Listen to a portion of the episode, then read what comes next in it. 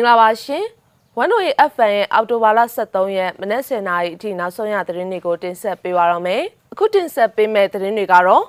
ပလဲမြို့မှာကား28စီးပါစစ်ကောင်စီရင်နှံမိုင်းဆွဲတိုက်ခိုက်ခံရပြီးအများအပြားသေဆုံးခဲ့တဲ့ဆိုတဲ့သတင်း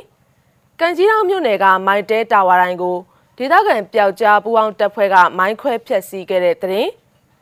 ဒေါအောင်ဆန်းစုကြည်ရဲ့ခြံဝင်းအတွင်း ရွှေချောင်းနဲ့ဒေါ်လာတွေမြုပ်နှံထားတဲ့ဆိုတဲ့သတင်းအမှားအပါအဝင်နောက်ဆုံးရသတင်းတွေကိုဆက်လက်တင်ဆက်ပေးပါမယ်။စကိုင်းတိုင်းပလဲမြို့နယ်အုံနောက်ရွာနဲ့တပြေကုန်းရွာကြားမှာကား28စီးပါစစ်ကောင်စီရင်တန်းကိုပလဲပြည်သူ့ကာကွယ်ရေးတပ်ဖွဲ့ပလဲ PDF နဲ့ဗိုလ်ကြားလေးအဖွဲ့တို့ပူးပေါင်းတပ်ဖွဲ့က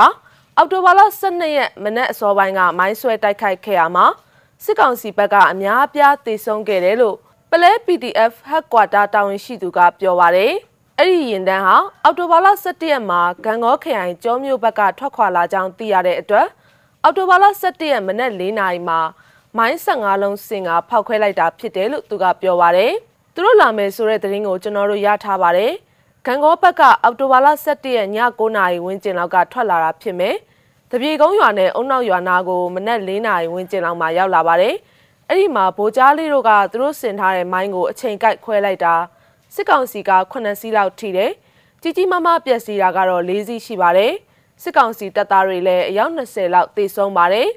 သူတို့ကပျက်စီးသွားတဲ့ကားတွေကိုမဖြစ်မနေပြန်ဆွဲသွားကြတယ်လို့ Play PDF Headquarters တာဝန်ရှိသူကမဇီမာကိုပြောပါတယ်အဲ့ဒီဖောက်ခွဲမှုအပြီးစစ်ကောင်စီဘက်ကပြစ်ခတ်မှုတွေရှိပေမဲ့ဗိုလ်ကြားလေးတို့အဖွဲ့ဟာခြုံခိုတိုက်ခိုက်ပြီးတာနဲ့အထီးခိုက်မရှိပြန်လဲဆုတ်ခွာနိုင်ခဲ့တယ်လို့လည်းသိရပါတယ်။အောက်တိုဘာလ17ရက်မနက်၈နာရီလောက်ကလည်း ကျောမြို့ဘက်ကပလဲမြို့နယ်ဘက်ကိုထွက်လာတဲ့ကျန်းဖက်စစ်ကောင်စီတပ်တွေကိုပလဲကံကောလန်52မိုင်နဲ့52မိုင်ကြားအရောက်မှာပလဲ PDF ရဲ့ပျောက်ကြားတပ်ဖွဲ့ကမိုင်းဆွဲတိုက်ခိုက်ခဲ့ပါတယ်။ဒါပြင်စစ်ကောင်စီခြေလင်တပ်ကိုသူတို့တပ်ဖြန့်လာတဲ့လမ်းတစ်လျှောက်မှာလဲပလဲ PDF ရဲ့ပျောက်ကြားတပ်ဖွဲ့က၃ကြိမ်တိုက်ခိုက်ခဲ့တယ်လို့သိရပါတယ်။အဲ့ဒီတိုက်ခိုက်မှုတွေအတွင်းစစ်ကောင်စီတပ်သား30ဦးထပ်မံတေဆုံးပြီးအများအပြားဒဏ်ရာရရှိခဲ့တယ်လို့ပလဲ PDF ထံကနေသိရပါတယ်။ AR တိုင်းကံကြီးတောင်မြို့နယ်ရှမ်းရွာတရားအစင်အညာစုရွာထိပ်မှာရှိတဲ့စေအုပ်စုပိုင်မိုင်တဲတာဝါတိုင်းကို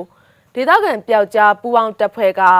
အောက်တိုဘာလ12ရက်ည9:45မိနစ်လောက်မှာမိုင်းခွဲဖျက်ဆီးလိုက်တယ်လို့အဲ့ဒီပူပေါင်းအဖွဲ့ထံကနေသိရပါဗျ။မိုင်းပေါက်ကွဲမှုကြောင့်မိုင်တဲတာဝါတိုင်းအောက်ခြေရှိစက်နယ်ပုံးတွေအလုံးပျက်စီးသွားပြီးပသိမ်မျိုးပြပျောက်ကြားအဖွဲ့ PSDF နဲ့ AR14 အဖွဲ့တို့ပူးပေါင်းဆောင်ရွက်ခဲ့တယ်လို့ PSDF အဖွဲ့ဝင်တဦးကပြောပါတယ်ကျွန်တော်ပြောနေကြအတိုင်းပါပဲစစ်ကောင်စီကိုအထောက်ပံ့ပေးနေတဲ့အရာတွေတဲကတစ်ခုဖြစ်တဲ့မိုက်တဲတာဝါရင်ကိုဖျက်ဆီးခဲ့တာပါရှစ်ဆက်ပြီးလဲစစ်ကောင်စီနဲ့စစ်ကောင်စီကိုအထောက်ပံ့ပေးနေတဲ့အရာတိုင်းကိုတိုက်ခိုက်ဖျက်ဆီးသွားမှာပါလို့သူကပြောပါတယ်မိုင်းပေါက်ကွဲမှုအပြီးမှာစစ်ကောင်စီတပ်တွေနဲ့ရဲတွေကအင်အားလက်နက်အပြည့်နဲ့ရောက်လာပြီးစစ်ဆေးမှုတွေပြုလုပ်ခဲ့တယ်လို့ဒေသခံတွေကပြောပါတယ်။ AR တိုင်းအတွင်းရှိမြို့ပြပျောက်ကြားအဖွဲ့တွေက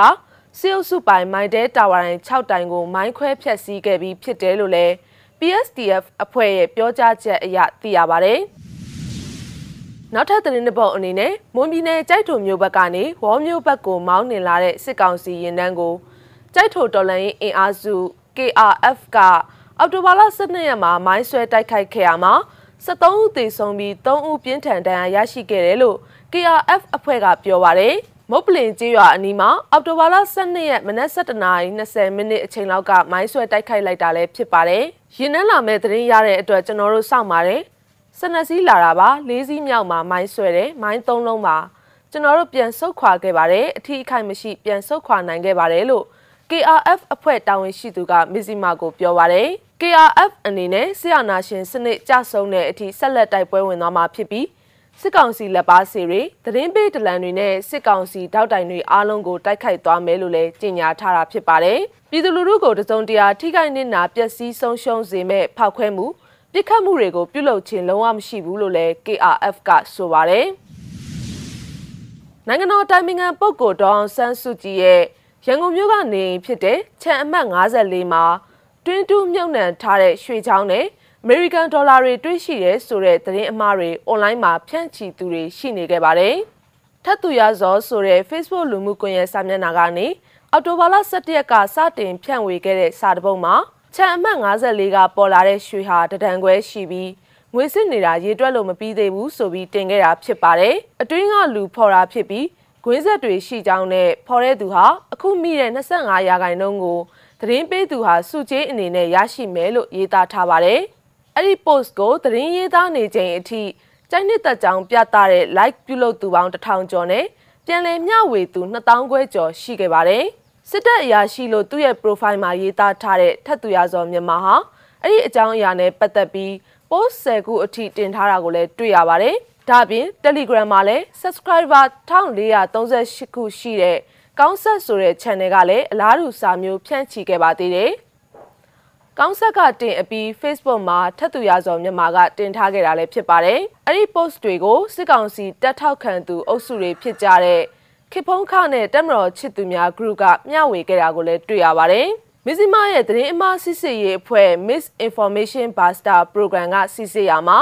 ဓာတ်ပုံတွေဟာ Exporter India ဆိုတဲ့အိန္ဒိယရွှေ website တစ်ခုကဓာတ်ပုံတွေနဲ့အင်တာနက်ပေါ်ကဒေါ်လာပုံတွေဖြစ်တာကိုတွေ့ရှိရပါတယ်။ဒေါန်ဆန်းစုကြည်ရဲ့ရှင်တွေကလည်း အဲ့ဒီလိုသတင်းမျိုးကြားသိရဘူးခြင်းမရှိဘူးလို့ဆိုပါတယ်။ဒါကြောင့်ခြံအမှတ်54မှာမြေရင်းတူးဖွက်ထားတဲ့ရွှေနဲ့ဒေါ်လာတွေတွေ့ရှိရဲဆိုတဲ့သတင်းဟာသတင်းအမှားသာဖြစ်တယ်ဆိုတာကိုတင်ဆက်ပေးလိုက်ရပါတယ်။